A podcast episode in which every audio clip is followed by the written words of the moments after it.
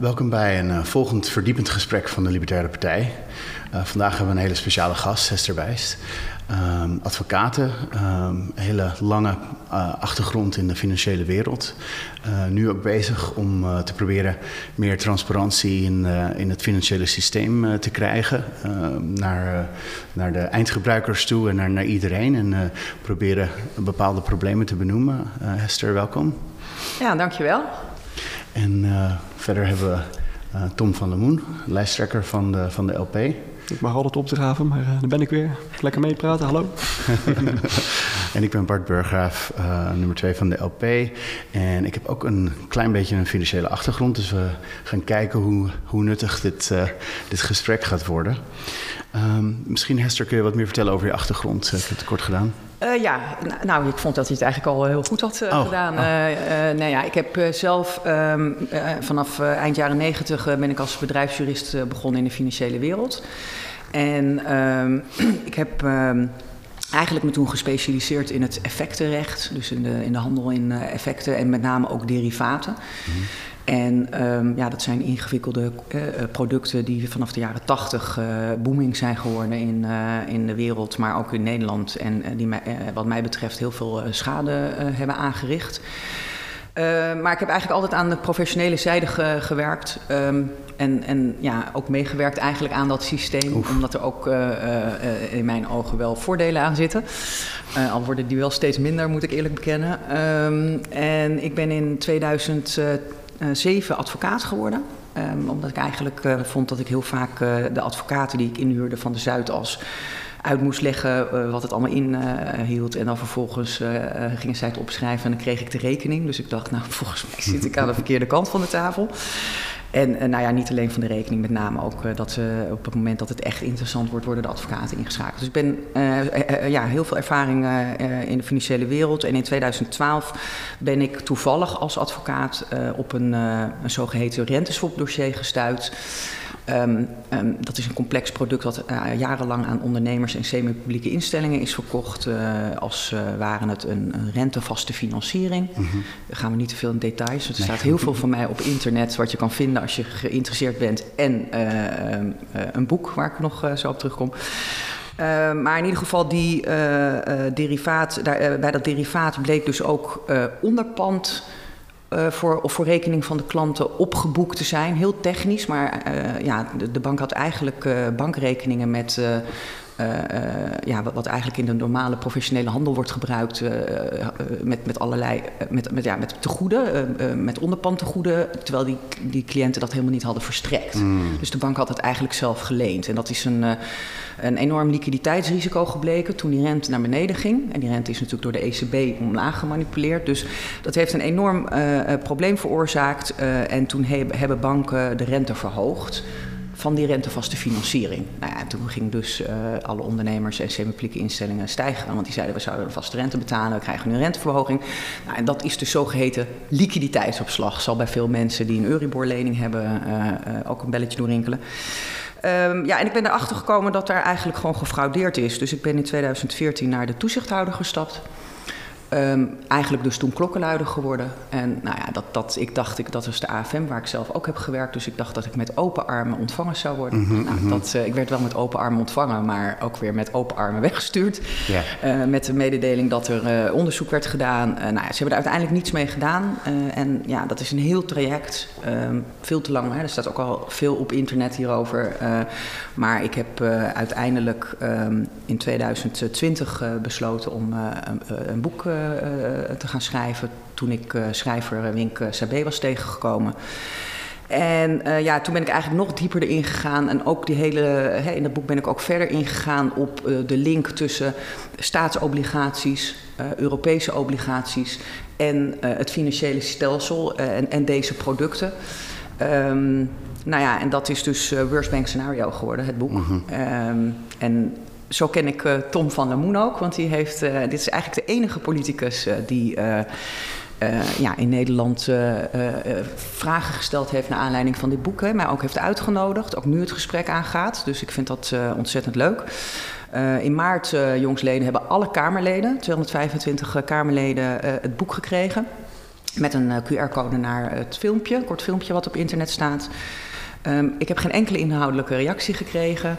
Uh, een groot deel van de kabinet uh, heeft het boek gekregen, hè, de, de, relevante ministers zeg maar. Uh, ook geen reactie gekregen. Dus um, ja, heel lang verhaal. Ik, ik, ik ben nog steeds, het boek wordt volgende week of, of komende week in het Engels uitgebracht. Dus ik ben ook best wel weer huiverig voor mijn veiligheid. Omdat het, het, het is tegen partijen zoals Goldman Sachs en zo. Dus, ja, gaat het echt zo, zo hard? Ja, nou ja, weet je, ik heb uh, in 2014 een overlijdensrisicoverzekering gesloten. Er zijn allemaal hele rare dingen in dit dossier gebeurd. Het is allemaal heel erg uh, hard gespeeld, ook op de man. Uh, of op de vrouw. Ehm, dus um, ja, ik, ik, realiseer me, hè, het gaat in Nederland om 200 miljard. Uh, maar in Duitsland bijvoorbeeld een 400 miljard, mm. Frankrijk 320 miljard. Wereldwijd gaat het om duizenden miljarden. Dus um, ja, ik zit in een, in een, een potje te roeren wat, uh, wat het makkelijkste is om mij, uh, denk ik, uit de weg te ruimen. Wow. En dat was in ieder geval zeker het geval voordat het boek er was. Ja. Ik weet niet of het nu nog zo, zoveel effect heeft. Maar um, ja, dus, dus, dus dat is wel spannend. En dan is het, ja, is het heel um, uh, ontluisterend uh, dat, dat de politiek gewoon helemaal niets ermee doet. En ja, daarom ben ik, hè, Tom van der Moen had mij uitgenodigd voor de gemeenteraad in Amersfoort, waar decentraal natuurlijk nu heel veel van Euro Europa het geld wordt uitgegeven. Um, en heb ik daar dus een toelichting op mogen geven. Maar dat is eigenlijk het enige verhaal wat ik heb mogen houden voor het, in het publieke domein. Mm -hmm. Ja, en, en toch ook, ja, ook, ook zelfs in de gemeenteraad. Het was, was echt een fantastische bijeenkomst om, om te zien hoe politici erop zouden reageren. En je zag, je zag echt wel dat, dat, je, dat we ze aan het denken hebben gezet. Maar het was, het was voor hun ook gewoon pure onmacht. Van ja, ja wat moeten we hiermee? En, en dit, is, dit is echt iets voor landelijk om op te lossen. En dan ja, kon ik er gelukkig wel op ingaan, ook naar aanleiding van jouw verhaal. Ja, maar nee, kijk, zelfs hier in de gemeente inderdaad, via de Vereniging Nederlandse Gemeenten, die gewoon loopt te lobbyen voor die Europese fondsen die hiervoor opgebouwd zijn om onze eigen begroting rond te trekken, komt allemaal uit dezelfde potjes. En, dat is juist gewoon het probleem. Maar ja, even, even om terug te pakken, precies um, wat jij zegt van waarom krijgt dit verhaal niet, niet de aandacht die het nodig heeft? En ook, ook binnen de politiek en ook binnen de journalistiek. Hè. Je hebt ook wel vaak over uh, Financieel Dagblad, et cetera, en andere.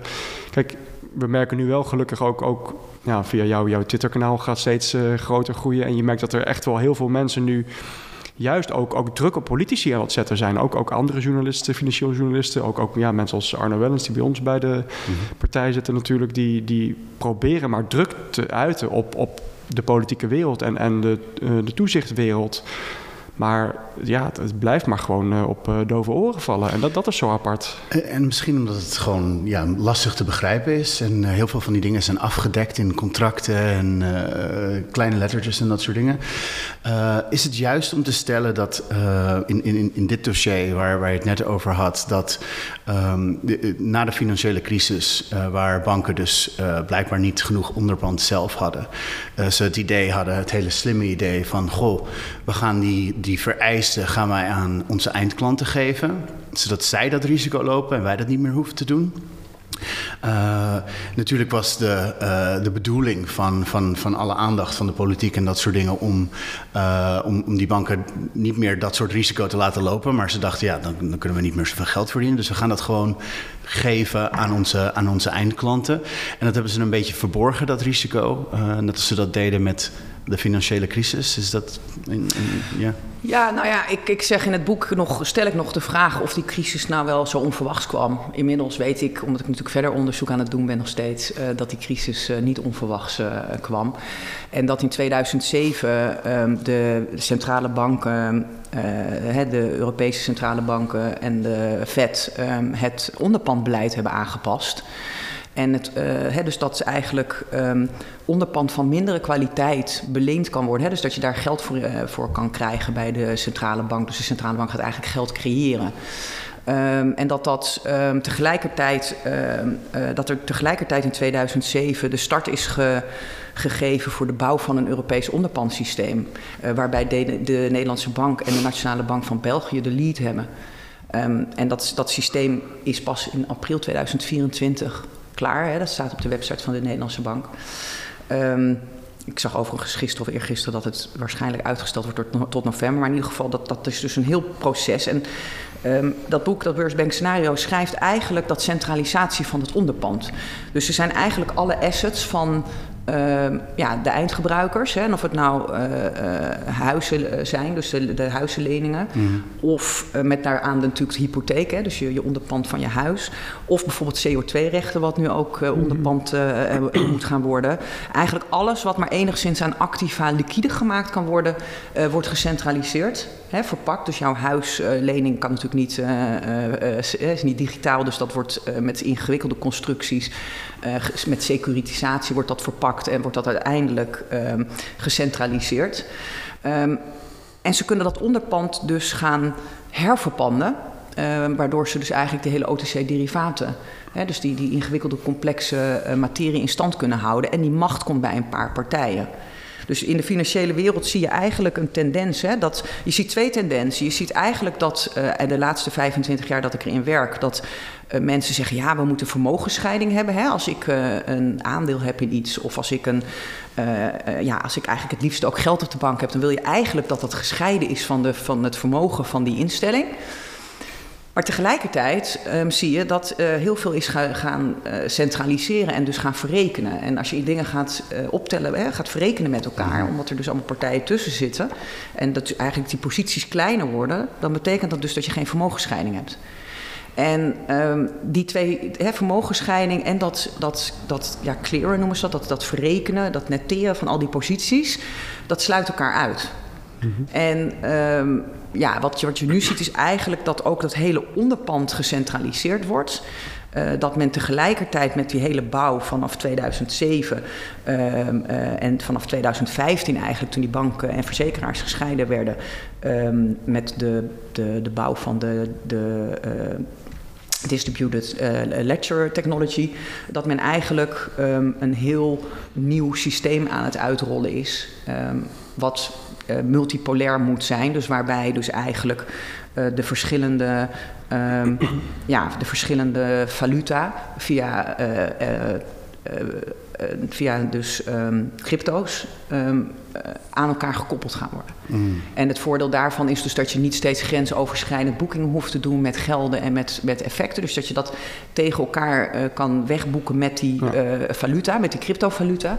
Maar wel um, met een instant settlement uh, constructie, zeg maar. En dat is eigenlijk, ik denk zelf dat, dat Finality, dat is het van UBS ja. en ING, ING wou ik zeggen. Die wordt op Ethereum gebouwd trouwens, hè? Dus, ja, en high quality liquid asset, Q, dus HQLAX van Goldman Sachs en ING en dat soort partijen, uh, dat dat de partijen zijn die de grootste worden met het uitrollen van het wholesale mm-hmm. systeem. Um, dus, dus ja, even weer helemaal heel lang verhaal terug naar de vraag van um, uh, hè, ja, die, dat, die crisis. En vervolgens die hele parlementaire enquête. Ik heb al die verslagen gelezen. Dat zijn er 1500 of zo van de gespreksverslagen het is gewoon één grote leugen. Het is, het is, het, hè, er, er zijn heel veel mensen op het verkeerde been gezet. Mm-hmm. En het is um, de uh, parlementaire enquête voor het financieel stelsel is in 2008 uh, door een motie van Halsema en Rutte.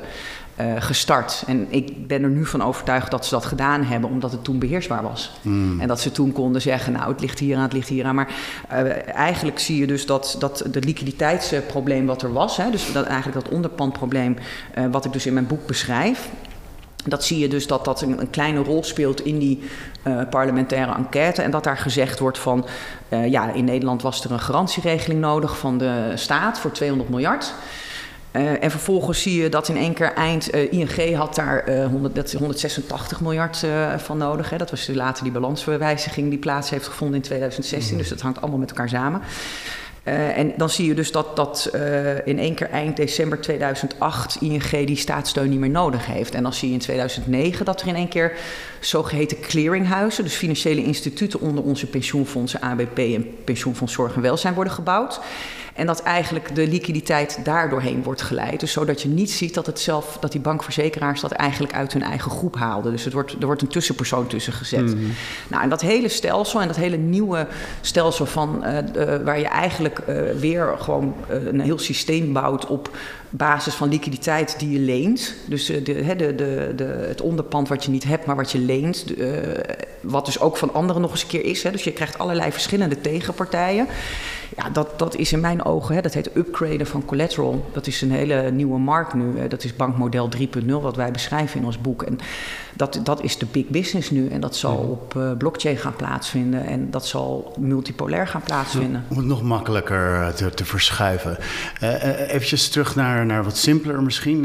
Ik heb een huis, die is van mij. vervolgens in het volgende model heb ik een, heb ik een huis. En ik krijg van iemand een lening om... om tenminste, ik, ik heb nog geen huis. Ik koop een huis met een lening van iemand. Dus dat huis is eigenlijk het onderpand voor, voor diegene. Vervolgens zegt een bank van, uh, al die kleine bankjes die hebben dus allemaal verschillende uh, onderpanden. Die, die banken die, die willen liever niet ehm, risico's lopen en dat soort dingen. Dus die gaan elkaar die, die onderpanden uitlenen. Nee, nee het, is, het is nog. Het is, dit is, sinds de kredietcrisis is het model uh, zo dat de banken hebben zelf, uh, ik zeg maar wat, 100 hypotheekleningen mm -hmm. aan jou, aan jou, whatever. Daar hebben ze de 100 van op hun balans. Die gaan ze uh, samenvoegen in een, uh, in een aparte uh, vehikel, hè, in een aparte BV. Um, ehm, en um, die BV geeft effecten uit, hè, dus securitisatie, maar die effecten kopen ze zelf weer terug. Dus ze maken eigenlijk hun uh, hypotheekleningen, die niet liquide zijn, die maken ze verhandelbaar. Mm -hmm. Maar omdat die hypotheekleningen niet gebruikt kunnen worden in de handel voor de OTC-derivaten, uh, die verpakte hypotheekleningen, omdat er risico aan zit, namelijk uh, dat ze heel erg in waarde kunnen uh, veranderen. en er, als het vertrouwen in die markt zakt, dat die dingen ja, minder waard worden, wat we hebben gezien bij de kredietcrisis. gaan ze die, die stukken ruilen met bijvoorbeeld pensioenfondsen voor geld of voor staatsobligaties, dus voor liquide, hoogliquide mm -hmm. um, ja, effecten of geld. Ja. En dat gaan ze gebruiken als hun onderpand. Dus eigenlijk gaan ze hun hypotheekleningen via allemaal heen en weer schuiven van assets, uh, van die assets dus, um, hoog liquide maken als waren het hoog liquide onderpand voor een OTC-derivaat. En, en, maar dan is dus ook dus... als, als ja, voor mij nog even een, een stapje verder, want het, het, gaat dus over fractioneel uh, bankieren. Ja. En, en als zij een onderpand hebben, dan kunnen zij daar een hele grote lening van maken. Natuurlijk, ja, hoeveel onderpand moet je hebben? 4%. En dan mogen ze 96% eigenlijk uitlenen. Dat doen ze dan weer aan hypotheken, die ze dus weer terugkrijgen. Kunnen ze weer verpakken, ja. ombouwen naar liquiditeit. Wat dus weer waar ze maar 4% van nodig hebben. En weer zoveel kunnen uitlenen. Dus het is, ja. het is, het is een visueuze cirkel van... van nou ja, ja en, en wat daar... Counterparty risk. Ja.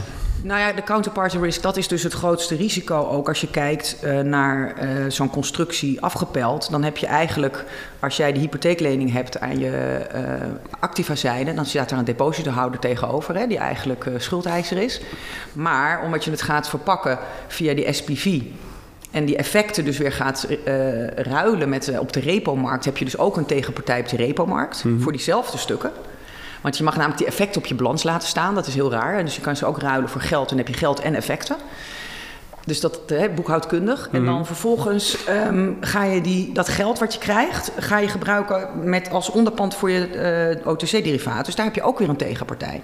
Dus je creëert verschillende. Het is die leverage weer die je eigenlijk in dat systeem creëert.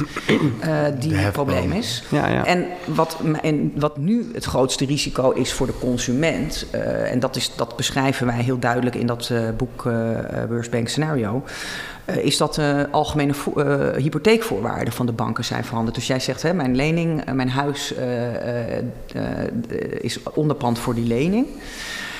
Nou, wat je in de kredietcrisis zag bij die ondernemers en bij die semi-publieke instellingen was dat uh, de bank voor de kredietcrisis bijvoorbeeld 80% financierde van, de, van, de, van het onderpand. Hè. Dus uh, dat loan to value noemden ze 80%. Dus je, je mm -hmm. uh, schuld-marktwaardeverhouding zeg maar, van, dat, van die lening.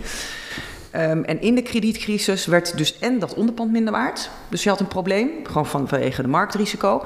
Maar ook dat de bank in één keer zei... ja, 80% uh, schuld-marktwaardeverhouding vinden wij een hele uh, slechte, uh, risicovolle percentage. Het moet 60% zijn. En omdat dat nooit was vastgelegd in percentages bij die groep... Hm.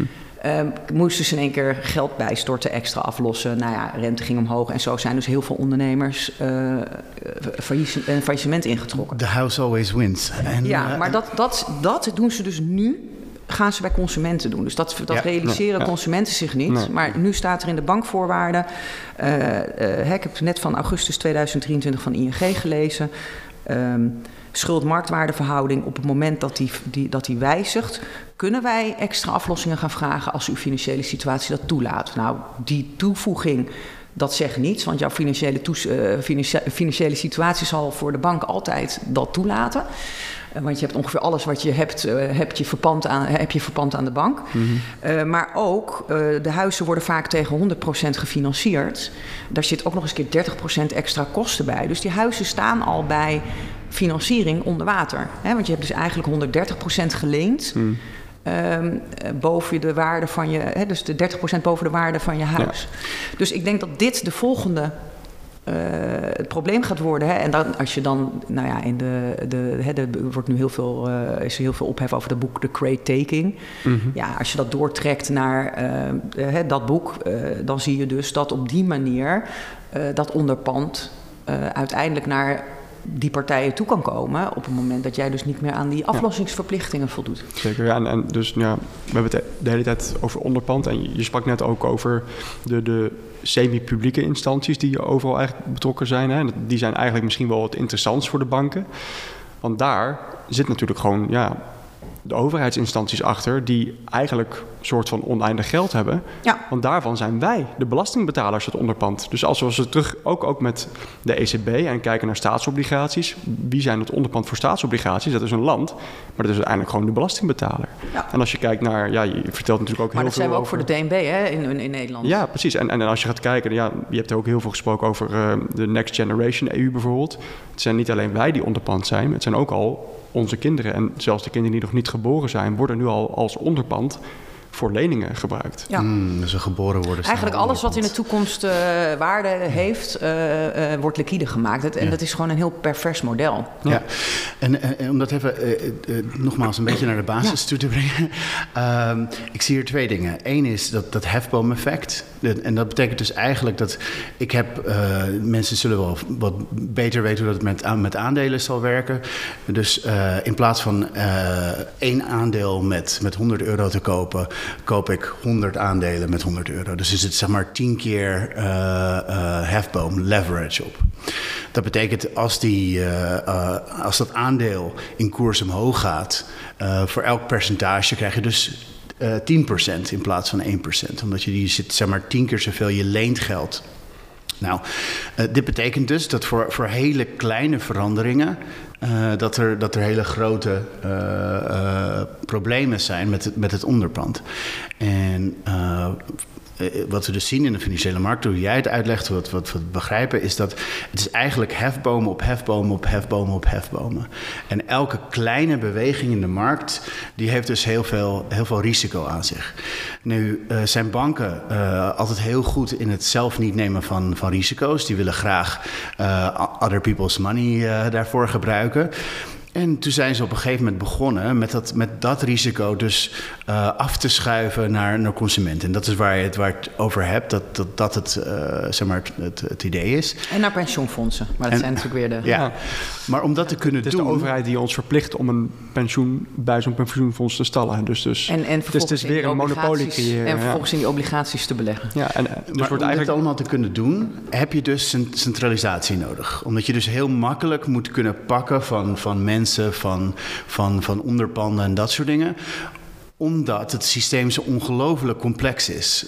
Uh, ja, en wereldwijde, het is liquiditeit. Hè? Dus het is wereldwijde liquiditeit creëren. En dat is wat men eigenlijk altijd al wilde. Hè? Dat je zo groot, je gaat ook de schulden steeds meer uitbreiden. Dus je krijgt een Europees stabiliteitsmechanisme. Nou, dat wordt eigenlijk mhm. ook een soort bank.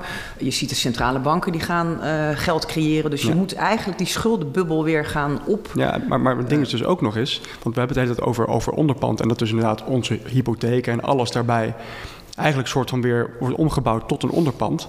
Wat gebeurt er als, als de centrale bank en de overheden zoveel geld gaan creëren en de banken, dan krijgen we inflatie en een huizenbubbel. Maar dan wordt dus hun onderpand meer waard. En dan kunnen ze nog meer geld gaan creëren. Dus voor hun is er geen lose-lose situation. Alles, alles blijft maar in die bubbel komen, in die bubbel komen. Waardoor zij eigenlijk onze hypotheken alsnog beter, sterker onderpand kunnen gaan gebruiken door die inflatie die ons het hardste raakt, omdat ons geld wordt erdoor minder waard. Het is een heel groot overhevelingssysteem. Het is, het is, het is een pervers systeem wat, wat elkaar voedt van alle kanten tegelijkertijd eigenlijk. Nou ja, en het is... Ehm, ik heb, dat hebben we in ons boek ook opgenomen. Uh, voor de kredietcrisis spraken Trichet en uh, Draghi. Hè, de, de oud Draghi was toen. Trichet was toen nog de, centrale, de voorzitter van de centrale bank. En Draghi werd dat daarna. Maar Draghi komt ook van Goldman Sachs. Hè, dus het, het, zijn al die zakenbanken met die, die eigenlijk die centrale banken gebruiken. En, en die zeggen dus in uh, speeches die ze hebben gehouden vlak voor de kredietcrisis dat um, eigenlijk de rente niet meer het mechanisme is wat. Um, de, uh, het, het, de, Verdienmodel. Het monetaire trans transformatiemodel bepaalt. Hè, dus die, mm. die inflatie, omdat um, het gaat om het verpakken van kredietrisico. En dat ze eigenlijk zegt, uh, Draghi in die speech ook van ja, um, we weten nog niet precies wat de effecten zijn. De, DNB, de centrale bank was op dat moment gaan beginnen met het, het onderzoek daarna, wat de effecten zijn. Maar ja, ze zijn dat in dat jaar gaan aanpassen, die centrale, die, die centra, hè, die, die, uh, de, dat onderpandbeleid. En ze zijn dat gaan centraliseren. Dus daar zit gewoon een, ja, een, wel degelijk een, een plan achter, een scenario zoals wij dat noemen en wij, zoals wij dat beschrijven. En uh, ja, dat is, dat is dus, dus dat, dat heeft een. Ik, ik, denk, ik denk wel dat, dat het zo is dat ze end niet kunnen overzien wat het echt gaat betekenen, omdat er zoveel aannames in die modellen zitten. Mm. Uh, dat, ja, dat zie je nu eigenlijk gebeuren. Hè. Ik denk dat ze in eerste instantie hadden gedacht dat het wel mee zou vallen met de inflatie, omdat het niet in de reële economie kwam, hè, dat, uh, dat onderpandtekort. Dus dat is mhm. allemaal in, in, het systeem, in die black box. Ja. Maar uh, dat moest ook afgebouwd gaan worden en vervangen gaan worden door Europese obligaties en door staatsobligaties, die dus ook als onderpand dienen. Hè. Dus je moet dat gat, die 200 miljard in, in Nederland, zeg maar, steeds blijven opvullen. Uh, en ja, dan betekent het dus dat je uh, schulden moet gaan maken om de economische groei te gaan uh, dienen. En dat gaat natuurlijk nooit goed. En dat zie je natuurlijk met dat hele Next Generation EU. Ja, dan gaat geld naar de maffia. Dan gaat geld uh, naar uh, sprinkhanenfabrieken. Uh, dan gaat geld naar mooie regenboog-zebrapaden. maar mensen hebben niet te eten. Hè? Of mensen zitten... ja, dus, dus, dus het, mm -hmm. ik denk dat, dat het van een maakbaarheidsgedachte uitgaat die, ja. uh, die, niet, ja, die, die, gewoon niet lukt. En uh, je ziet dus een soort overheveling, want eh, banken die willen dus eigenlijk alleen maar uh, leningen maken aan partijen die een onderpand hebben. Dat betekent dus even heel specifiek mensen die dus een eigen huis al hebben of, of willen kopen, die daar genoeg inkomen voor hebben, die uh, uh, bedrijven die echte assets hebben, uh, dat soort dingen. En, en de personen die daar niet in meedoen, zijn juist degenen die het het meeste nodig hebben. Uh, ja. uh, en dus uh, zie je heel veel geld in het systeem komen. Dat, dat, dat, dat pro daar profiteert de top van de samenleving van. Vervolgens creëert al dit nieuwe geld heel veel inflatie. En daar uh, profiteren zij ook van. Maar dit heeft als gevolg dat alles nog onbetaalbaarder wordt door de, door de bodem van de samenleving. En vervolgens gaan ze die inflatie bestrijden. En uh, ja, wat gebeurt er dan? Uh... Uh, de inflatie bestrijden. Ja, nou ja, ze gaan eigenlijk pro-cyclisch maatregelen nemen die het alleen maar verergeren. Mm -hmm. Dus het is een. Het is een en, en de vraag is dan: is dat omdat men niet weet, niet, hè, dat niet alle mensen doorhebben wat nou precies het hele plaatje is? Of is dat ook bewust om juist weer degene die toch al niet hadden, nog, nog meer van, van af te nemen, zeg maar? Mm. Um, ja, dat, dat, dat, dat is niet duidelijk. Maar, uh... het, ja, het hoeft geen conspiracy per se te nee, zijn. Nee, het is nee. gewoon een samenkomen van belangen. En dat is, ja, het is eigenlijk wat een conspiracy is. Maar goed, inflatie bestrijden zien wij ook. Uh, ja, je maakt eigenlijk de economie een stukje kapot. Uh, om, nou ja, en die rente, te, ja. hè, daar werd heel duidelijk in 2007 gezegd door Trichet en door Draghi. Uh, dat de rente niet meer het instrument is om die inflatie te bestrijden. En wat doet men? Uh, men gaat de rente verhogen. Uh, onder het mom van inflatiebestrijding. Mhm. Maar dat hadden we juist gezien, dat werkt niet. Want het, dat heeft weer enorme impact op dat transformatiemechanisme. Want er worden namelijk die, die obligaties minder waard, mhm. eh, die weer als onderpand dienen. Dus je hebt weer meer liquiditeit nodig. Dus het is een, een, een, een ja, het is een, een, een, een systeem wat uh, met communicerende vaten, uh, dat dat denk ik gewoon nog onvolledig. Hè. Het wordt ook niet meegenomen door economen. Ik, ik weet ook niet, ik heb uh, Lex Hoogduin bijvoorbeeld uh, uh, mijn boek gegeven. Um, en ik zie dat die, die heeft, komt natuurlijk van de Nederlandse Bank vandaan. Maar ik vraag me ook af of die dat, dat, dat het hele mechanisme overziet. Mm en dat, dat maakt het natuurlijk heel moeilijk praten. Hè. Dat is ook waarom ik zou willen dat mijn boek... Um, meer uh, tot discussie leidt, ja. omdat het dan de aan, dat, dat, we in ieder geval met elkaar met dezelfde aannames kunnen werken. Ja, ja kijk, iemand, iemand als Lex Hoogstown heb ik dan nog wel redelijk hoog zitten, omdat hij inderdaad ziet hoe, hoe schadelijk inflatie kan zijn en dat bestreden moet worden. Maar het ding is inderdaad, het moet eigenlijk een stap verder gaan en dat je gewoon ziet dat het enige wat die centrale banken doen met het monetaire beleid, met de rentes hoger en lager maken, is, is die boom-bust cycles creëren. En de banken die verliezen nooit. De banken die hebben eigenlijk het meeste voordeel erbij als er maar veel verschuivingen zijn in de markt. Maakt niet uit of die omhoog of omlaag gaat. als, als de markt heel lang stabiel blijft, dan verdienen zij het minste geld, denk ik. Als er veel verschuivingen zijn, rentes verhogen en rentes verlagen, dat er veel ja, liquiditeit rondgaat of wat dan ook, dan verdienen zij heel veel geld. Dus zij hebben, ze hebben eigenlijk uh, gewoon belang bij crisissen. Ja, dat, en je ziet dus nu ook, hè, want heel vaak uh, zie je nu aan het eind van een kwartaal uh, dat. Ehm, de, de, dan moeten ze hun, ook hun liquiditeit, collateral weer op orde hebben. Dus dan gaat die, die repo-markt enorm bewegen. Dus soms zeggen mensen, oh, er komt weer een ellende aan. Nee hoor, dan kijk ik, denk, nou, het is het einde van het kwartaal, weet je wel. Dus het is, de, de, de, wat, wat mijn eigenlijk grote vraag is, um, is van ja, die liquiditeit, dat was eigenlijk een vereiste uh, regulator. Hè, van we moesten een veiligere wereld creëren en we moeten meer liquiditeit hebben voor die banken. Um, dus hè, je had Basel uh, 2.5, Basel 3 uh, en de EMIR, de Europese richtlijn voor het onderpand. Um, maar dat systeem dat, dat is dus gebaseerd op alleen maar lenen, het verschuiven, uh, securitiseren. Dus eigenlijk allemaal constructies waar hele Zuidas uh, druk mee is. Hè.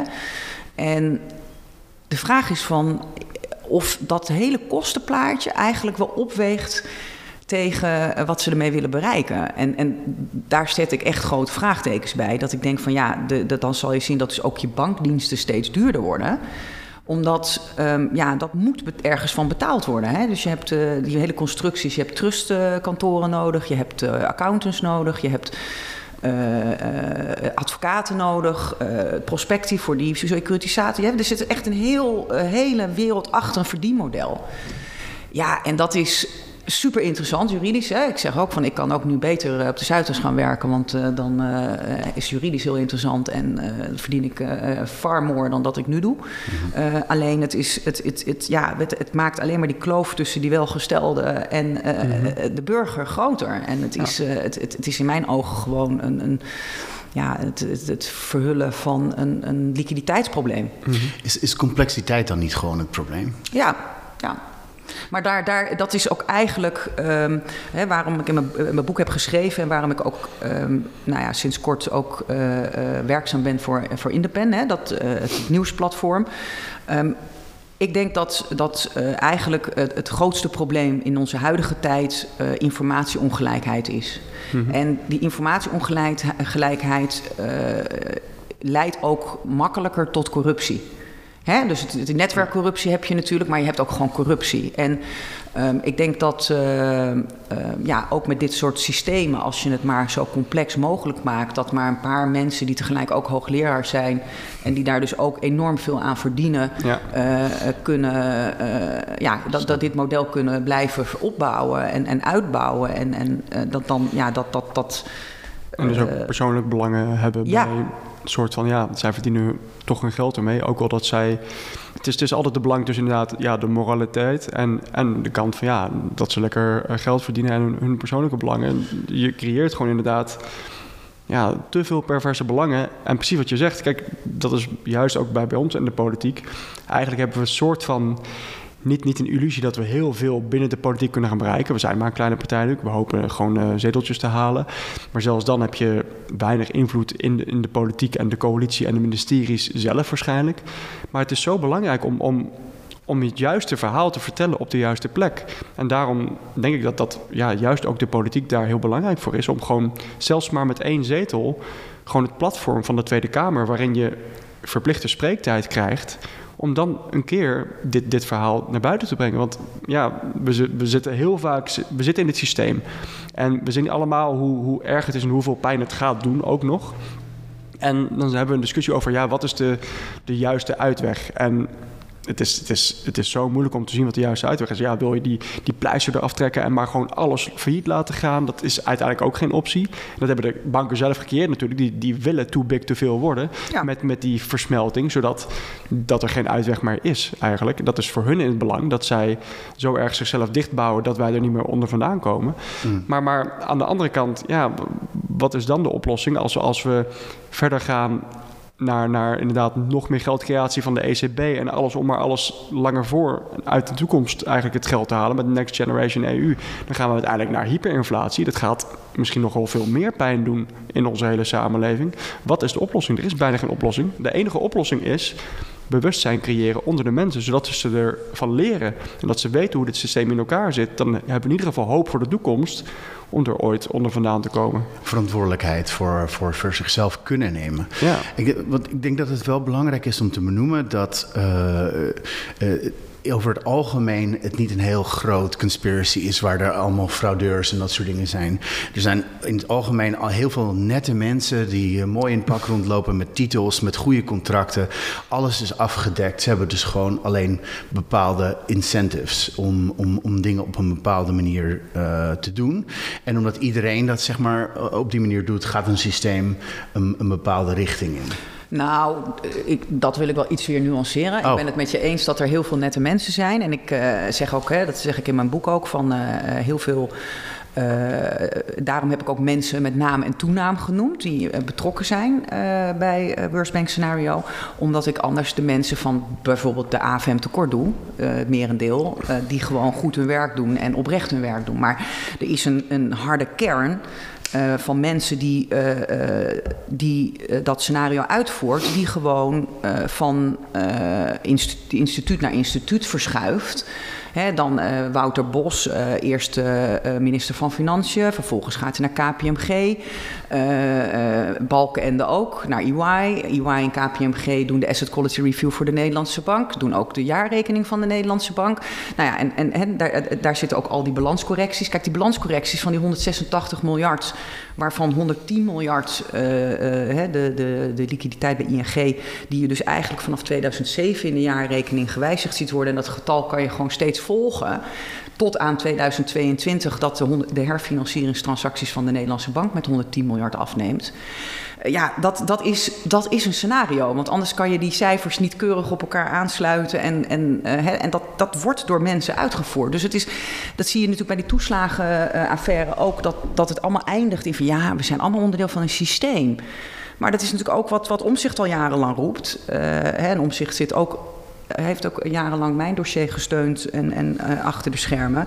Er zitten mensen die aan de knoppen draaien. Er zitten mensen die dat in het systeem zetten. Er zitten mensen die jaarrekeningen opstellen, die jaarrekeningen wijzigen. Weet je? Dus het is niet het. Een heel groot deel van de mensen in het systeem wordt gebruikt. Die hebben geen idee. Ik was zelf ook altijd onderdeel van uh, dat systeem. En dan weet je inderdaad niet wat er aan de voorkant bij de bank gebeurt. Uh, maar het is niet zo dat uh, het allemaal nette mensen zijn. Nee, er vindt gewoon keiharde corruptie plaats. Uh, wie, wie heeft de, de, de, echte macht nu om dit, dit soort dingen te veranderen? Wie, wie kan zeggen, ik zie dat dit systeem niet werkt zo. Um, ik, en, en voor normale mensen die, die daarin werken... hebben ze gewoon de macht niet om dat te veranderen. Dus kunnen ze eruit stappen of eraan meedoen. En dan is het vaak uit eigen belang gaan ze eraan meedoen. Omdat, ja, ik bedoel, ze moeten toch hun kinderen eten geven of wat dan ook. Dus, dus er is een klein percentage van mensen die, die en dingen uh, kunnen benoemen en snappen.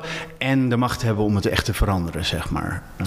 Nou ja, ik ben afgelopen jaren uh, geholpen achter de schermen. Gewoon dat, dat ik hè, op een gegeven moment ergens een, iets mocht schrijven in een vakblad of in een. Hè, en, er zitten mensen in het systeem die mij op de juiste momenten dingen hebben toegespeeld, zonder dat ik op dat moment door had dat mij iets toegespeeld werd. Dus, en ook toen het boek uitkwam, kreeg ik uh, berichten van uh, toezichthouders, uh, van de, van, van de commissaris van de toezichthouder, van mensen die uit de financiële wereld, um, die mijn boek ondersteunen, die mijn verhaal ondersteunen. Alleen, die mensen doen dat één op één naar mij. En ja, zolang mensen zich dus niet uitspreken en gewoon blijven zitten. En ik zou, als ik in het, raad van, eh, van, in het bestuur zou zitten of in de raad van toezicht van de AFM. en ik krijg vijf jaar de brieven hè, die ik naar uh, Merel van Vroonhoven heb gestuurd. Mhm. zoals ik die geschreven heb, dan zou ik echt zeggen: wat de fuck is dit, weet je wel? We gaan haar nu uitnodigen, of het is niet waar en dan uh, moet ze ophouden met deze brieven. Uh, ja, of we hebben een probleem en daar ga ik niet voor opdraaien. Maar blijkbaar hebben een paar mensen de touwtjes in handen. Die maken dan de dienst uit. Rozenmuller gaat van APG in 2009 naar de toezichthouder, naar ABP. Deze mensen maken gewoon de dienst uit in Nederland. En blijkbaar verzamelen ze mensen om zich heen die uh, niet als tegenmacht fungeren. Ik, snap wat je bedoelt, maar uh, om uit zo'n systeem te stappen voor iemand is een onevenredige uh, uh, kosten die ze maken. Op, op, iedereen die zit daar voor eigen belang. Iedereen die wil veiligheid voor zijn toekomst, die wil zijn kinderen kunnen, kunnen opvoeden op een, op een goede manier en dat soort dingen. En als wij dus van ieder individueel persoon moeten vragen van oké, je moet elk probleem benoemen en je moet uit het systeem stappen op het moment dat er iets is en dat soort dingen. Dat is natuurlijk heel net en heel ethisch en ik zou dat dan ook uh, voorstellen dat ze dat doen, maar het is niet echt te verwachten. En daarom denk ik dat het, dat het systeem moet veranderen, niet de, de mensen, zeg maar. Nou ja, het politieke systeem sowieso. Want ministers uh, worden in Nederland gewoon even lid van een partij. Hè? Eh, Kaag, die in 2017 naar Nederland komt, even lid wordt van D66. En daar blijkbaar met een, een agenda zit, hè? gezien wat er nu allemaal gebeurt met D66. Uh, uh, ja, ik, ik, dat, is natuurlijk, uh, dat geeft natuurlijk het gevoel vanuit politieke partijen dat je eigenlijk ook daar weer ziet dat die, dat die coalitiepartijen gewoon gebruikt worden om een eigen agenda uit te voeren, ongeacht of het nu zelfs links of rechts is. Hè, VVD werkt gewoon samen met links. Ja. dus ehm, dat systeem moet veranderen, maar dat is eigenlijk je democratie. tegelijkertijd zeg ik van onderaf ben je wel degelijk verantwoordelijk in dat systeem. En ja, ik steek tien jaar mijn hoofd uit, uh, leg mijn hoofd op het hakblok. Uh, krijg vaak de vraag: oh, heb jij nog wel een bankrekening? uh, dat ik denk, ja jongens, ik zet over een paar jaar, als het zo blijft, mijn boek in de kast. Dan ga ik lekker weer op die Zuidas werken. ga ik zorgen dat, dat ik in ieder geval nog een paar mooie jaren heb. En zoek het lekker allemaal uit. Als we dit willen met elkaar en blijkbaar iedereen dit normaal vindt en zegt: ja, nee, ik ben onderdeel van het systeem. Dan kan ik, ja, nee. Ik bedoel, dat risico heb ik ook genomen. Dat ja. risico nemen andere klokkenluiders ook. Um, uh, ja, ik verwacht gewoon dat mensen die in, in die macht zitten, en ik verwacht het. Ik verwacht het ook van de medewerker die aan het systeem deelneemt, dat hij kritisch blijft wat hij aan het doen is. Hè? Want ik bedoel, de mensen bij de toeslagenaffaire hebben daaraan meegewerkt. Ik bedoel, dat zijn toch geen schapen? Ik bedoel, dat zijn hoogopgeleide mensen die uh, dat uitvoeren. Maar het gaat mij om die top, want in die top ben ik ervan overtuigd dat, nou, ik, ik durf geen percentages te noemen, maar het merendeel van die mensen deugt. En die moeten eens even om zich heen kijken wat de mhm. mensen die niet deugen aan het doen zijn. Ja. En die, die misbruiken grote labels. KPMG, EY, al dat soort bedrijven worden gebruikt, misbruikt. Terwijl daar het merendeel van de mensen wel gewoon eerlijk werkt. Ja, je noemt het systeemcorruptie. En, en, en ik denk dat uh, wij als Libertaire Partij zien dit als een systeemprobleem, niet als een persoonlijk probleem. Je moet incentives zo creëren dat, uh, dat, dat het gewoon niet meer kan, zeg maar. Dus op het moment dat, ehm, dat eh, banken, zeg maar, niet zo verwoven, of het financiële systeem niet zo verwoven is met de politiek meer, dan zul je dus niet die, die, die moral hazard, die impliciete backstop hebben hebben van, uh, van, van banken. Uh, op het moment dat de ECB niet meer met de uh, rentes gaat spelen, dan krijg je niet meer die, die boom-bust cycle. op het moment dat mensen zelf hun geld op, een, op een duidelijke manier kunnen beheren, dus ze, dus ze weten bij welke partij ze het moeten kunnen stallen, of ze kunnen het zelf bij zichzelf stallen, dan, dan, dan heb je niet meer dat soort problemen. Dus nogmaals, ik denk dat het een systeemverandering verandering is die moet komen. Niet, um, ja, niet ja, van, beide kanten natuurlijk. Kijk, wat, wat, voor ons, wij willen natuurlijk ja, het scheiden van uh, staat en geld. Omdat we dus inderdaad zien van ja, wij hebben wel een soort van een vertrouwen in de mensheid. Maar het is heel duidelijk dat er wel een paar spelers kunnen zijn die. die ja, wel echt slecht, uh, slechte bedoelingen hebben. Maar het probleem is dat wij dus inderdaad zien dat die centrale posities die overal, um, die centralisering die plaatsvindt, die, die zorgt ervoor dat die mensen die nou ja, macht uh, zoeken, die komen altijd op die plekken terecht. Want dat zijn natuurlijk, dat is wat aantrekkingskracht is. En dus ons idee is in ieder geval om, om die centralisering en die macht uit, uit de handen van de overheid te halen, om die beïnvloeding te kunnen krijgen. Kijk, ik, gisteravond toevallig noemde ik het ook alweer. Als je gaat kijken, we hebben een, een soort van een parallel systeem nodig waar mensen naar toe kunnen gaan. Dat mensen kunnen kiezen voor ik, wat hier gebeurt is onethisch en ik ben het er niet mee eens en ik moet eruit kunnen stappen.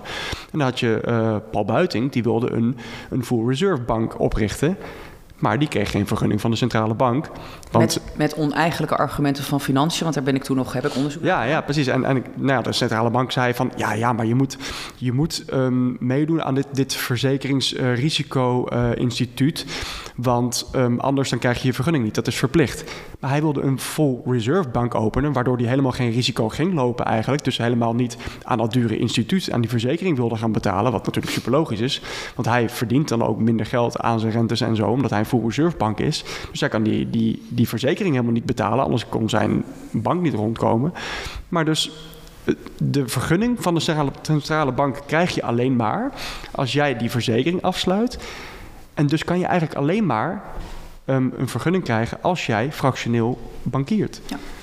Maar hoe zien jullie, uh, als je zegt scheiding tussen staat en uh, bankwezen, uh, dan de nutsfunctie? Want hoe kan je waarborgen dat, ehm, dat, dat een bankrekening geen 30 euro per maand kost?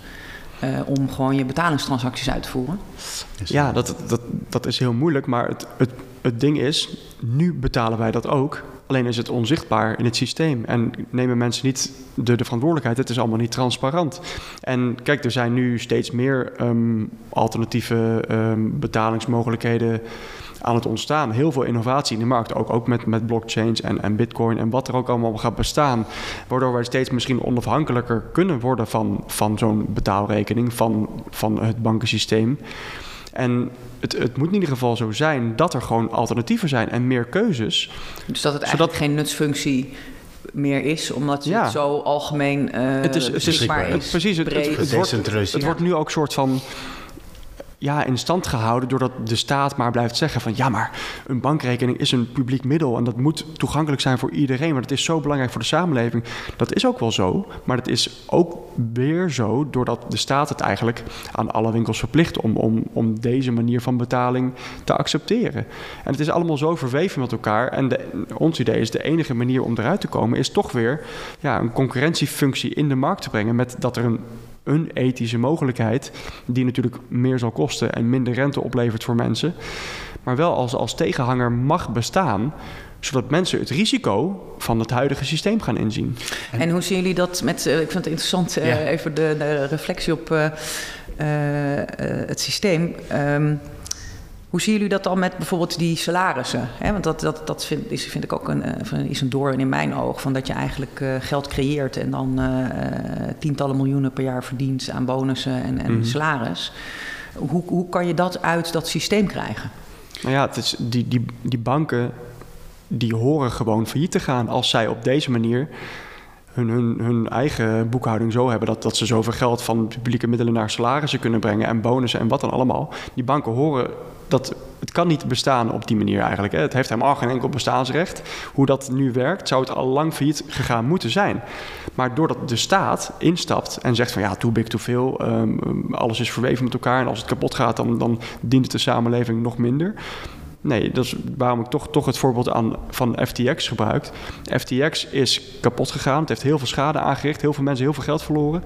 Maar het heeft nu wel die cryptowereld volwassener gemaakt. Omdat mensen zijn gaan nadenken... oh, wacht eens even. Het is eigenlijk heel risicovol als ik mijn geld op zo'n bank... op zo'n um, exchange uh, staal. En, en dat is denk ik wat, wat nodig is voor de mensheid. Gewoon die, dat bewustzijn om te kijken van... ja, waarom staat mijn geld eigenlijk op die bank en wat doet die bank daarmee? En hoe risicovol is dit systeem eigenlijk? Het, kan alleen maar ooit een keertje gaan veranderen als, als mensen toch bewustzijn krijgen en zelf verantwoordelijkheid nemen over hoe zij omgaan met hun eigen financiën. En niet alles maar op de automatische piloot vertrouwen aan de overheid, vertrouwen aan de banken. En de AFM, ja. ja. Uh, er komt nog een probleem bij. Wat is, uh, de complexiteit wordt eigenlijk gecreëerd door de regulatie en dat soort dingen. En heel veel problemen die we zien, die, die komen er dus omdat uh, banken en andere financiële instellingen heel graag ja, net het maximale binnen de regels of soms buiten de regels kunnen doen. Maar die complexiteit betekent dus ook dat het onmogelijk wordt voor uh, concurrentie om te bestaan, zoals, uh, zoals Tom al aangaf. Ja, maar dat is natuurlijk ook bewust. Uh, mm -hmm. dat, dat, dat, vind ik het meest fascinerende. dat ik 25 jaar werkzaam ben in de financiële wereld, hè, in de effectenwereld, waar je juist die regulering ziet vanaf jaren 90. Extreme regulering op het gedragstoezicht. Uh, integriteit, bankierseed. En ondertussen is worst bank scenario mogelijk. Mm -hmm. Dus um, blijkbaar kunnen we dat dus niet reguleren. En is een moreel kompas, en dat vind ik natuurlijk wel het interessante ook van hè, de libertaire partij, daar hebben we natuurlijk ook wel discussies over, van dat morele kompas bij de mens, wat er moet zijn om dus dit soort systemen ook te doen slagen. Mm -hmm. Ja, dat is er niet bij iedereen. En, en uh, dat is denk ik toch een vraag uh, die uh, al heel lang leeft. Van hoe kan je dat, dat zuiveren? Hè? Hoe kan je die mensen met dat morele kompas wel in die industrie krijgen? En, en nou ja, zo makkelijk blijkt dat dus niet te zijn. Maar ja, er zijn twee, twee oplossingen hiervoor voor dit probleem. En de ene wordt dus door de, door de huidige politiek vaak gesteld: van laten we nou de juiste regels hebben en de juiste mensen op de juiste plaats. Dan komt het wel goed. Maar ja, wat nou als er niet de juiste mensen komen? En, en, en wat nou als de regels niet de juiste regels zijn? En wie bepaalt dat de juiste regels zijn? Het, het andere idee is: laten we het systeem zo, zo in. in uh, decentraliseren. Zo decentraliseren, zo instellen dat het gewoon niet nodig is dat we de juiste persoon hebben. Dat, dat mensen zelf kunnen bepalen wat ze doen. Je moet, je moet gewoon decentraliseren, zodat er niet. Dat als er een keer iemand ja, kwaad wil binnen zo'n systeem, dat hij niet te veel macht kan krijgen. Dat is, dat is ons uitgangspunt uiteindelijk. Kijk, en dan ga je inderdaad kijken van ja, hoe, welk libertarisme versus andere systemen. Dan ga je kijken naar hoeveel vertrouwen wij in de mensheid hebben. En wij hebben echt, echt een bovengemiddeld vertrouwen in de mens. Wij durven het vertrouwen weer bij de mensen te leggen. En dat is natuurlijk heel kritisch. Als jij, ja, jij hebt natuurlijk met jouw ervaring van ja, nou, wat ik heb meegemaakt. Ik weet niet of dat wel zo een goed idee is. Maar juist centrale machtsposities creëren is daarin natuurlijk nog veel erger. Als je, als je macht geen, is het probleem, niet precies, de persoon. Het macht, macht, ja. macht op zichzelf, centrale machtsposities op zichzelf zijn het probleem. Ja. Daar ben ik dus ook voor die informatiegelijkheid. Hè? Want ja. dat, daar, daar, creëer je ook minder macht Zeker, mee. en dat, is dus ook, ook ons idee.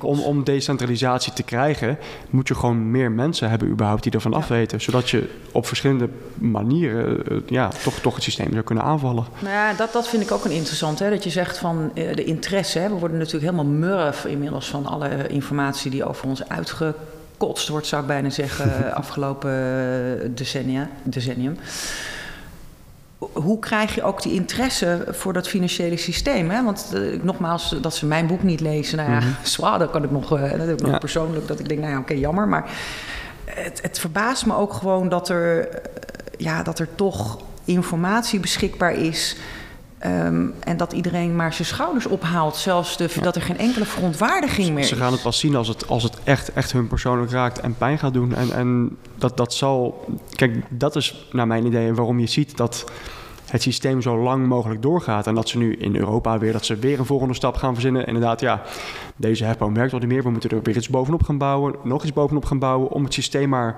zo lang mogelijk bestaansrecht te geven, eigenlijk op een of andere manier. Zonder dat, dat het niet mag instorten.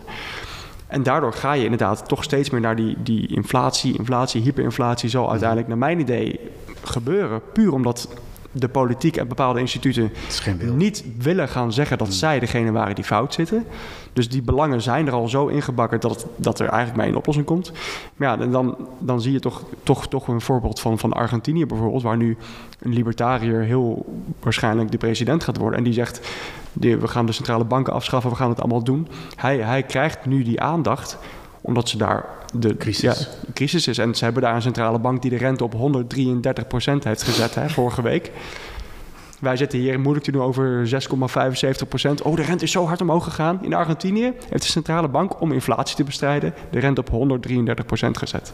Maar je benoemt nu dat een crisis is nodig in dit systeem. Maar de enige reden waarom dat zo is, is omdat er zo'n groot, uh, grote ruimte zit tussen het een en het ander. Er zit zoveel complexiteit tussen. Uh, de gemiddelde Nederlander snapt bijvoorbeeld niet hoe het komt dat nu alles opeens heel veel duurder wordt. Uh, ja. En, en, hoe dat zich verhoudt tussen alle ja. uh, tussengelegen stappen. En dat, en dat zie ik wel echt als misleiding. Hè? Want, want ja, toevallig gisteravond ook dan weer een debat gehad. Ah, het wordt zo genormaliseerd binnen de economische wereld ook. Van ja, toch, toch waar wij ons tegen afzetten. De, de economie van, van John Maynard Keynes bijvoorbeeld. Hè? Die, die, als, die compleet is gebaseerd op, op stimulatie van de economie. En dat is wat er nodig is. Nou ja, dat zijn die boom-bust cycles het wordt zo genormaliseerd in de hele economische wereld. Op de universiteiten, al die, al die hoogleraren die dit lesgeven, die, die hebben maar één type van economie die zij kennen. En, en zij zien gewoon als dat, dat, dat is nou eenmaal de enige manier. En, en alles wordt zo genormaliseerd dat zij daar ook niet kritisch op zijn. En die, die hele klasse en alles, het hele onderwijs is daarop gebaseerd. Dus hoe kom je daar dan echt een keertje met, met ja, toch, toch meer ons verhaal van, van economie. Dat je niet aan de knoppen kan draaien, omdat je dan alleen maar op de lange termijn altijd ja, de nadelen ervan krijgt. Nou ja, en de vraag is ook, hè, de, de, jij zit meer op het, toch op het, uh, de, de, de, dat het complex is en dat mensen onderdeel van die systemen zijn en eigenlijk dat het allemaal toch toevallig ook dan. Dat hoop ik. Ja, ja dat hoop ik. Ja, ja, ja. Um, terwijl ik toch hè, uh, ook zie, um, als je bijvoorbeeld kijkt naar de um, Europese Monetaire Unie en het, uh, de Bankenunie, uh, dan zie je dat in 2009 een hele belangrijke groep was, de groep de La Rochère, die de Europese Commissie heeft geadviseerd. Wie zat er in die groep? Onno Ruding, maar ook uh, Balcerowicz van Polen. Balcerowicz was degene die eind jaren 80 uh, Polen uh, van het communisme af heeft geholpen door uh, de shocktherapie toe te passen. Mm -hmm. Waar wat een enorme crisis veroorzaakte. Maar dat moest dan leiden tot verbetering. Um, en die um, Balcerowicz was dus in 2014 werd hij adviseur van Poroshenko, Oekraïne. En als je dus kijkt naar de, de wandelgang van dat soort mensen samen met Attali uit Frankrijk, die in 2007 uh, de commissie Attali had, daar zat Macron in. Want Macron mm-hmm. werkte op financiën, op financiën zat Lagarde. Als je al dat soort punten samenbrengt, dan denk ik, ja, het kan niet. Uh, hè, het is nu niet gewoon shocktherapie 2.0 aan de gang. Ja, ja. Um, uh, wat moet leiden tot de Verenigde Staten van Europa? Wat moet leiden tot het multipolaire systeem met de Verenigde Staten, mm-hmm. Japan, UK? Um, en uiteindelijk de koppeling, uh, wat in 2009 werd gezegd uh, door uh, onder andere China, het wereldwijde systeem. China is in 2016 toegetreden tot het IMF. Dus, dus de, de, weet je, mhm. er zijn allerlei uh, en, en, of het lukt is een andere vraag, hè, want er gaan ook weer heel veel dingen mis. Maar ja, um, uh, ja ik, ik kan het gewoon niet meer los van elkaar zien. Nee, het is gewoon, hoe meer een, je weet, hoe meer je... Hoe meer je het ziet. Maar ik denk ook dat het, het, het, maakt ook niet zo heel veel uit of het een samenkomst van belangen is... of dat het een grand conspiracy is. Want het eindresultaat is hetzelfde. Ja. Ja, dus, maar ik, ik vind het toch um, uh, op het moment dat ik het gevoel heb dat mensen uh, bewust op posities worden gezet en dat er dus een agenda wordt uitgevoerd, dan mm-hmm. verliest men ook het oog um, um, hè, als het fout gaat. Um, dan moet het ja. goed, goed doorgaan. Maar dat mm-hmm. gaat dus de schade nog veel groter ja. maken dan wanneer um, ja, mensen toch denken, nou ja, weet je, we kunnen ook rechtsaf. We kunnen, je, je kan dus niet meer rechtsaf nee. of linksaf. Ja, ja, dat, dat vind ik heel belangrijk ook om te benadrukken. Want dat is dus inderdaad wat je ziet. Het wordt nu een soort van in twee kampen opgesplitst. Inderdaad, jij zegt, ja, kom, hij heeft, hij heeft uh, Polen van uh, het communisme gered uiteindelijk. Een shocktherapie. Dat is natuurlijk ook wat er, wat er in, in Rusland destijds is gebeurd. En dan gingen ze al dat alles privatiseren. En het is gewoon bij de oligarchen terechtgekomen. En banken. Ze werden dus Precies. van de Oost-Europa-bank de baas. Ja. ja, daar gingen ze het geld verdienen. Ja, ja maar en het ding is dus het, je moet heel goed kijken naar het onderliggende systeem. En het is niet zozeer communisme tegen kapitalisme. Nee, want, want het kapitalisme zoals nu, wat, ze bij Polen dan in binnengebracht hebben.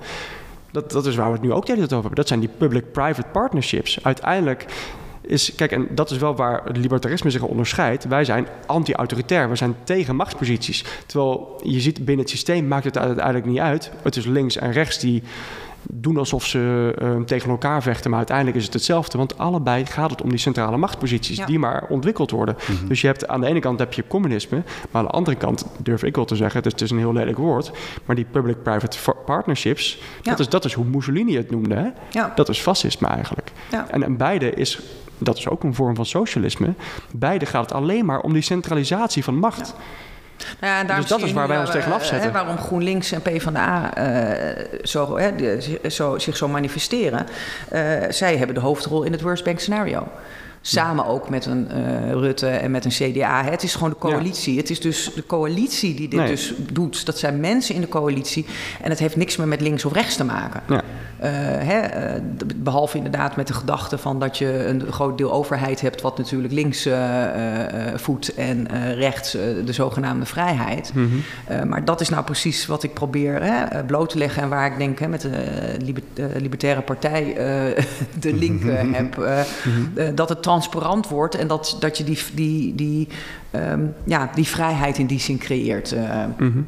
Ja, maar, maar dus wel, wel op een manier soort van eh, vrije markt, privatisering noem ik het liever. Want het is, ik zie het niet als marktvrijheid, want je hebt juist natuurlijk nog een centrale instituten die juist inderdaad de vergunningen mogen verlenen, et cetera. Dus er kan geen concurrentie komen.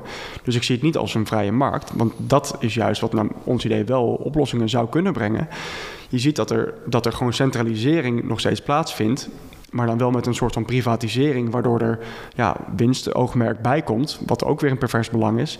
Maar ook dat er een, wel een overheid tussen zit die compleet monopolievorming binnen die privatisering opbouwt. En het is de schuld van de overheid die die monopolies aan die bedrijven geeft. Je hebt dus ja, de pensioenfondsen, nou, is de overheid die ons verplicht om bij hun een product te kopen.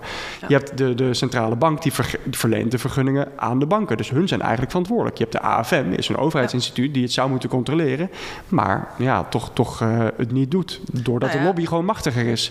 Wij, wij zien altijd, kijk, de lobby is een heel groot probleem.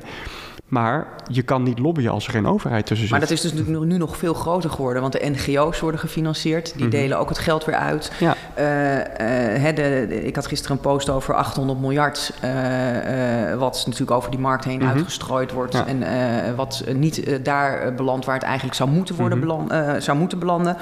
Um, en er is dus ook... de Rekenkamer heeft ook een rapport gemaakt van de... wat was het?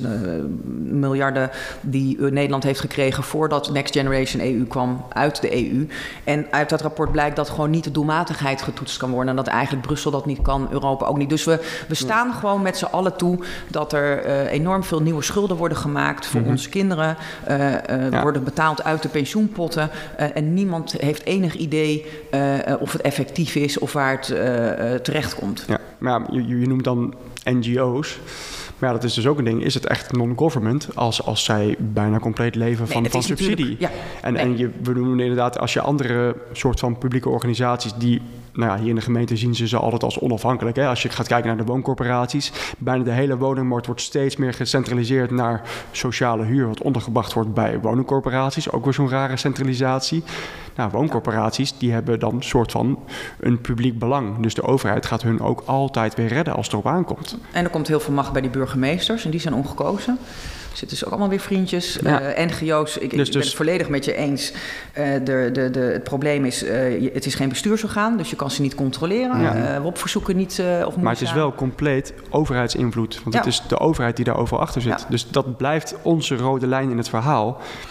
Wij denken echt dat, dat het beter wordt, dat, er, dat die lobbypraktijken, wat eigenlijk een soort van overkoepelende rode lijn is het verhaal, het zijn eigenlijk allemaal lobbypraktijken overal, die kunnen gewoon veel minder sterk plaatsvinden als de overheid, als tussenpersoon daartussen, gewoon veel minder macht krijgt. Ja.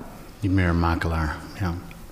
Ik zit misschien wat, wat meer uh, op, een, op een menselijke manier. Kijk, als jij een bank runt, dan zul je ook iemand inhuren die zeg maar, dezelfde ideeën als jij hebt uh, om uh, bijvoorbeeld risk management of wat dan ook te gaan doen. dan zul je ook een counsel inhuren die, die dezelfde interpretatie heeft van, van de regels en dat soort dingen. En je ziet hetzelfde op grote schaal gebeuren met, met, de, met, de Europese Unie en met ECB en met, met, met bedrijven en banken. Eh, van alles en nog wat. Het is, het is een. Uh, ja, het is, het is menselijke natuur. prophecy. Uh. Ja, maar het wordt als dit is uh, een, een hefboom wat betreft mensen. Omdat ze, macht is zeg maar de hefboom.